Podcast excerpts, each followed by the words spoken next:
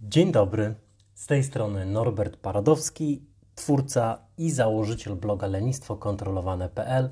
Miło mi Ciebie gościć w podcaście Szkoła Determinacji. Dzisiaj odcinek o tym, co ostatnio odkryłem i testuję. A odkryłem, że jestem bardziej napięty niż wcześniej. Zauważyłem, że odczuwam więcej stresu. Zauważyłem, że mam więcej takiego emocjonalnego, niespokojnego stanu. A skoro tak, to postanowiłem, że coś z tym należy zrobić, ponieważ wychodzę z założenia, że w codziennym życiu możemy, a nawet powinniśmy w taki sposób trenować, warunkować, ustawiać swoje emocje, aby na maksa uniezależniać je od wydarzeń w rzeczywistości zewnętrznej. I teraz oczywiście mam na myśli po pierwsze nie te przyjemne wydarzenia, które nas budują, chociaż na taki wpływ także należy uważać i zaraz powiem dlaczego. Natomiast głównie mam na myśli standardowe, nieprzyjemne wydarzenia, które często wprowadzają ciebie lub mnie w nie do końca przyjemny, w nie do końca produktywny stan emocjonalny.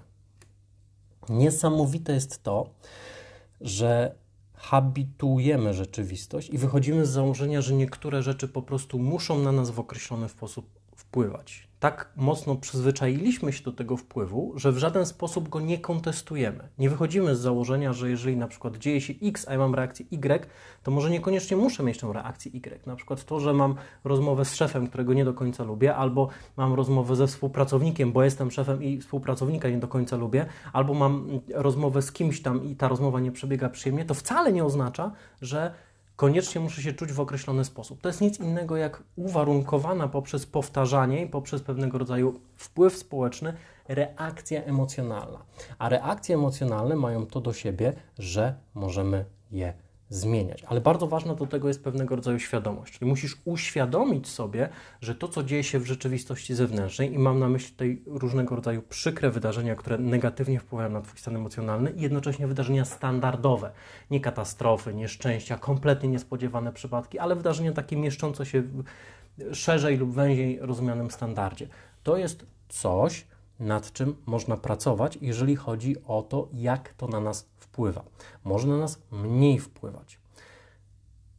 Jednocześnie też czasami warto popracować nad tym, jak wpływają na nas pozytywne rzeczy, ponieważ pozytywne rzeczy wprowadzają nas w pozytywny stan i wydawałoby się, że ten pozytywny stan, optymistyczny stan, radosny stan, stan motywacji jest bardzo pożądany, przyjemny i najlepszy dla nas, ale niekoniecznie. Na przykład badania pokazały, że do czynności, które wymagają skrupulatności, logicznego skupienia, stan wysokiej motywacji, stan entuzjazmu i nakręcenia jest wręcz szkodliwy, przeszkadzający, sprawia, że takie rzeczy wykonujemy gorzej, aniżeli lepiej. Więc to, że czujemy się przyjemniej, wcale nie oznacza, że musimy przez to podejmować lepsze decyzje, czy też, że będzie dzięki temu przyjemniej w naszym życiu. Czasami to, że czujemy się przyjemniej, może sprawić, że będziemy podejmować bardziej pochopne decyzje, może zwiększyć naszą skłonność do ryzyka. Tak się dzieje w przypadku silnych, pozytywnych emocji, które z kolei sprawiają, że możemy mieć tendencję do przeceniania naszych własnych zasobów i sił. Tak więc uważam, że w codziennym życiu możemy, a nawet powinniśmy trenować swoje emocje, by na maksa uniezależniać je od tego, co się dzieje na zewnątrz. A jednocześnie, im mniej rzeczy wpływa na nasz stan negatywny, albo inaczej, im lepiej się nauczysz, im lepiej sprawisz, że mniej rzeczy będzie wpływało na Twój stan negatywnie, tym więcej będziesz miał stanu pozytywnego. A im więcej będziesz miał stanu pozytywnego, tym lepiej będziesz funkcjonował. To jest swoisty paradoks, że im bardziej odklejamy się od tego, jakie emocje generuje w nas rzeczywistość, im mocniej potrafimy sami nad własnym stanem emocjonalnym panować, tym lepiej będziemy funkcjonować. Jednocześnie pamiętać warto o tym, że te emocje, które określamy jako super pozytywne, w dużym natężeniu też mogą nie do końca dobrze na nas wpływać. Więc ostatnio zauważyłem, że potrzebuję więcej spokoju w swoim codziennym funkcjonowaniu, że chcę mieć go więcej. I dzisiaj przedstawię Ci kilka krótkich metod, które sam wykorzystuję, które od jakiegoś czasu testuję, a które zapewniają mi więcej rzeczonego spokoju. Te metody mają jedną wspólną cechę. Ten wspólny mianownik jest taki, że wszystkie są bardzo proste. Większość zastosujesz w 30-60 sekund. I to jest bardzo ważne moim zdaniem, ponieważ choć istnieją metody mocniej zaawansowane i głębsze i działające bardziej, takie jak na przykład autohipnoza, jak relaks Jakobsona, jak trening autogenny, to nie zawsze mamy 15, 20 minut, 30 minut na to, żeby z tego typu technologii korzystać. Natomiast 30-60 sekund to jest coś, co bardzo łatwo znaleźć, wygospodarować w ciągu dnia kilka, a nawet kilkanaście razy. I zauważyłem, że jeżeli znajduję te 30-60 sekund kilka, kilkanaście razy i wykonuję rzeczy, o których zaraz Ci powiem, to automatycznie mam więcej spokoju w ciągu dnia. I nie jest to spokój rozumiany jako apatia, nie jest to spokój rozumiany jako bierność, ale wręcz przeciwnie. To jest taki aktywny spokój, dynamiczny, energiczny, ponieważ można być energicznym i spokojnym, albo energicznym i w wielkim cudzysłowie mieć ADHD. Nie mam tutaj na myśli choroby, ale raczej bardzo kolokwialne rozumienie tego terminu. Można być też energicznym i być niespokojnym. W tej chwili mówię o spokoju bardziej witalnym. Więc przejdźmy do metod, tak abyś potrafił je zastosować w swoim życiu. Metoda numer jeden: odcięcie się od bodźców. Zwróć uwagę na to, że nasze mózgi są ustawicznie bombardowane informacjami. Nasze życie kompletnie nie przypomina tego życia jeszcze choćby sprzed 10 czy 15 lat, kiedy już byliśmy mocno bombardowani informacjami. Nie ma co mówić o porównaniach do życia naszych dziadków, albo pradziadków, albo prapradziadków, kiedy to ich mózgi, chociaż żyli w dużo cięższych czasach, to jednak ich mózgi musiały przetwarzać zdecydowanie mniejszą ilość bodźców per godzina, dzień, tydzień i rzadko świadomie znajdujemy czas na to, aby odciąć się od tych bodźców i odpocząć. I zauważyłem, że stosowanie tylko tej jednej rzeczy sprawia, że mam więcej spokoju w ciągu dnia.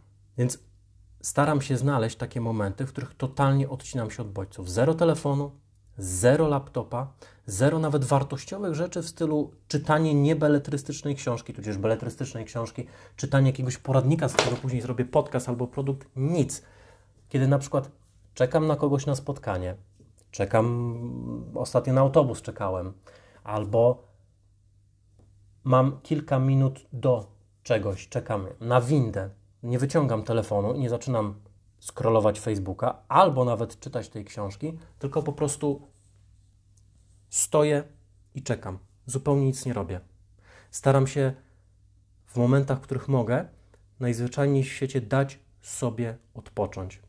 I kilka, kilkanaście takich momentów w ciągu dnia, a kiedy zaczniesz świadomie przykładać do tego uwagę, to uświadomisz sobie także ku swojemu być może nieprzyjemnemu zdziwieniu, tak jak ja sobie uświadomiłem, że takich momentów, kiedy w ciągu dnia bombardujemy swój mózg niepotrzebnymi bodźcami, są dziesiątki. Po prostu masa tego jest. Czekamy na coś, wyciągamy telefon, myślimy o czymś, gapimy się na jakiś ekran, oglądamy reklamy i tak dalej.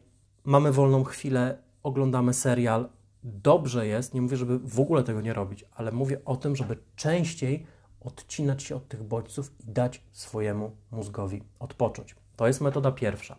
Metoda druga to używanie wyobraźni. Nasz mózg jest taki mit, nie potrafi odróżnić czegoś, co sobie wyobrażamy, od rzeczywistości, i to nie jest prawda. Jednocześnie też same wyobrażenia potrafią bardzo silnie oddziaływać na nas samych. Na przykład istnieje takie pojęcie jak trening mentalny, i jest to bardzo dobrze przebadane zjawisko.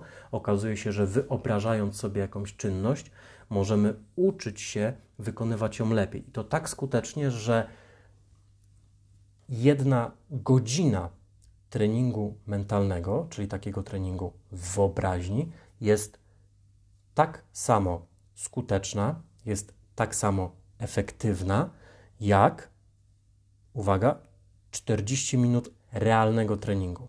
Oczywiście nie nadaje się to do absolutnie wszystkich umiejętności i nie jest tak, że będziesz sobie wyobrażał, że biegniesz po bieżni i spalisz tłuszcz, chociaż obaj wiemy, że powinno tak być i byłoby doskonale, jednak to w ten sposób nie funkcjonuje. Ale jeżeli będziesz sobie wyobrażał, że biegniesz po bieżni i będziesz sobie wyobrażał, że robisz to na maksa technicznie, to realnie poprawisz swoją technikę.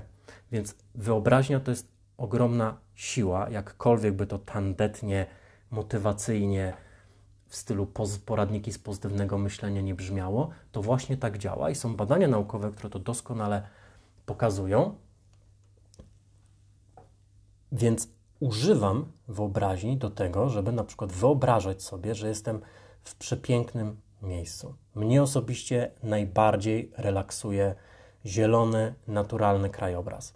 Więc mam w swojej pamięci kilka takich miejsc, w których byłem w przeszłości, w których naprawdę doświadczyłem głębokiego relaksu, ukojenia, uspokojenia psychicznego, psychicznego odpoczynku, więc poświęcam 30-60 sekund i wyobrażam sobie, że jestem w takim miejscu. I powiem Wam, że jest to banalnie prosta sprawa, ale znowu 30-60 sekund 3-4 razy dziennie sprawia, że globalnie w ciągu dnia mam zupełnie inny nastrój i dużo więcej spokoju. Kolejna rzecz, jeżeli chodzi o użycie wyobraźni, to powtórzenie, ale nie afirmowanie sobie, czyli powtarzanie bez sensu, ale powtórzenie i najważniejsze, wyobrażenie sobie pewnego rodzaju rzeczy. Ja na przykład powtarzam sobie spokój, spokój albo ukojenie, ukojenie. Tylko nie chodzi o to, że to sobie powtarzam, bo wtedy mamy do czynienia z afirmacjami, których skuteczność jest bardzo mocno niepotwierdzona żadnymi badaniami naukowymi, wręcz przeciwnie. Badania pokazują, że afirmacje mogą e, szkodzić, tudzież bardzo niewiele pomagać, ale to temat na zupełnie inny podcast. Ważne tutaj jest to, aby to powtarzanie sobie w myślach było jedynie i wyłącznie wsparciem dla wyobraźni, bo kiedy powtarzam sobie ukojenie, to jest fraza, która akurat dla mnie dobrze działa, to jednocześnie wyobrażam sobie, że moje emocje się koją. Wyobrażam sobie, że mój układ nerwowy jest ukojony. Wyobrażam sobie, że odczuwam na poziomie komórkowym takie wewnętrzne, przyjemne ukojenie. Wyobraźnia jest tutaj szalenie ważna. Nie chodzi o to, żeby sobie powtarzać bez sensu, tylko aby to sobie wyobrażać. Więc polecam, jeśli chodzi o wyobraźnię, popracować z różnego rodzaju zwrotami, które będą na ciebie doskonale działały. Na mnie także świetnie działa określenie pokój. Dalej, strategia numer 3.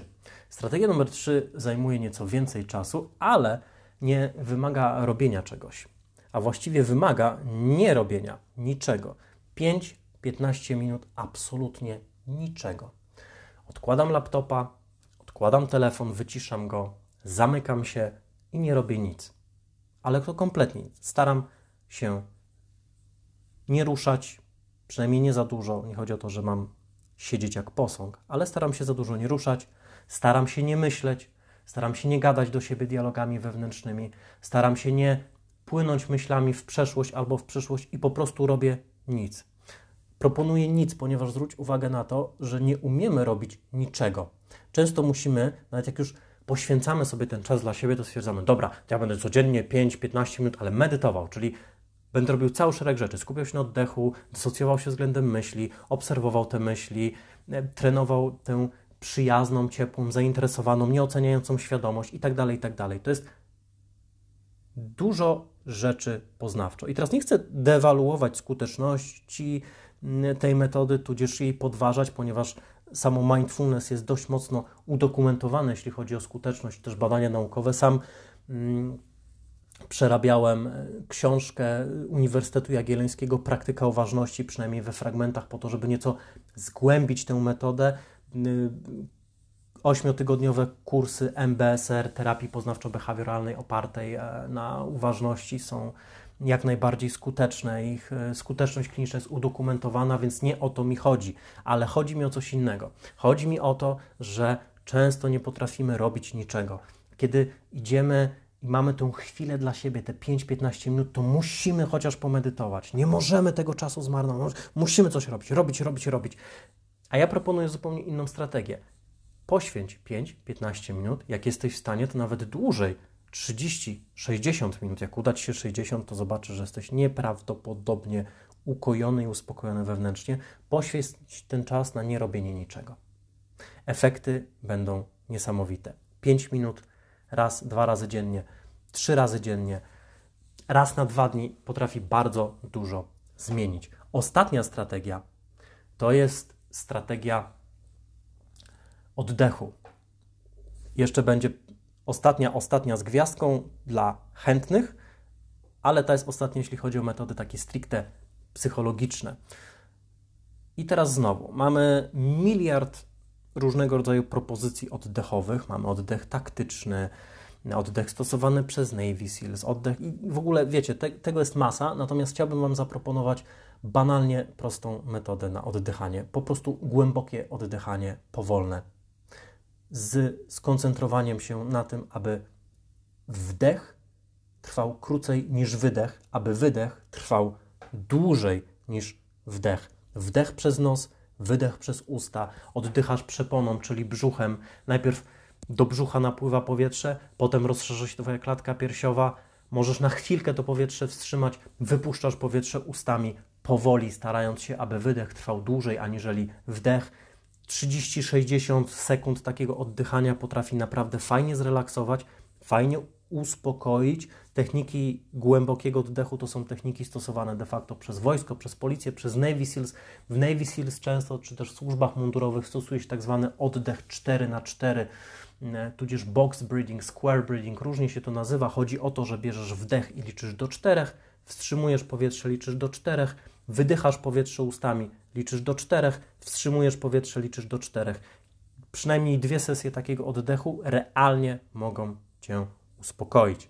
Także polecam głęboki oddech. Te wszystkie cztery metody zastosowane kilka razy dziennie sprawią, że będziesz miał więcej spokoju. Ja mam więcej spokoju, kiedy z nich korzystam. Fajnego, delikatnego, witalnego spokoju. I na koniec jeszcze metoda bonusowa dla chętnych i dla osób, które mają odpowiedni zestaw przekonań, a właściwie nie przekonań, a wiary, żeby tęże metodę zastosować, ponieważ jest to metoda dla osób wierzących i jest to metoda modlitwy. Ale uwaga, nie chodzi mi teraz o to, żeby uklęknąć i poklepać Ojcze Nasz albo co tam się klepie, bo to nie w tym rzecz.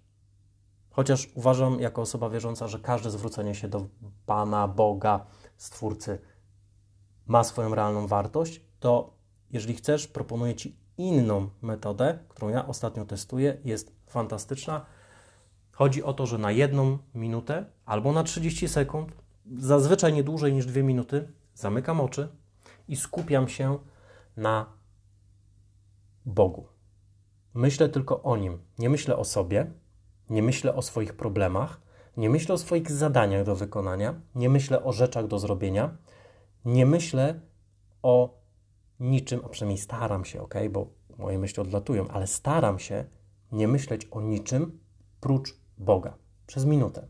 I powiem Wam, że ta minuta, podczas której koncentruję się na vis major, na sile, w którą wierzę i która, jak wierzę, stworzyła absolutnie wszystko, co istnieje, owa minuta potrafi być niesamowicie kojąca dla emocji, odświeżająca, uspokajająca i ładująca moje baterie.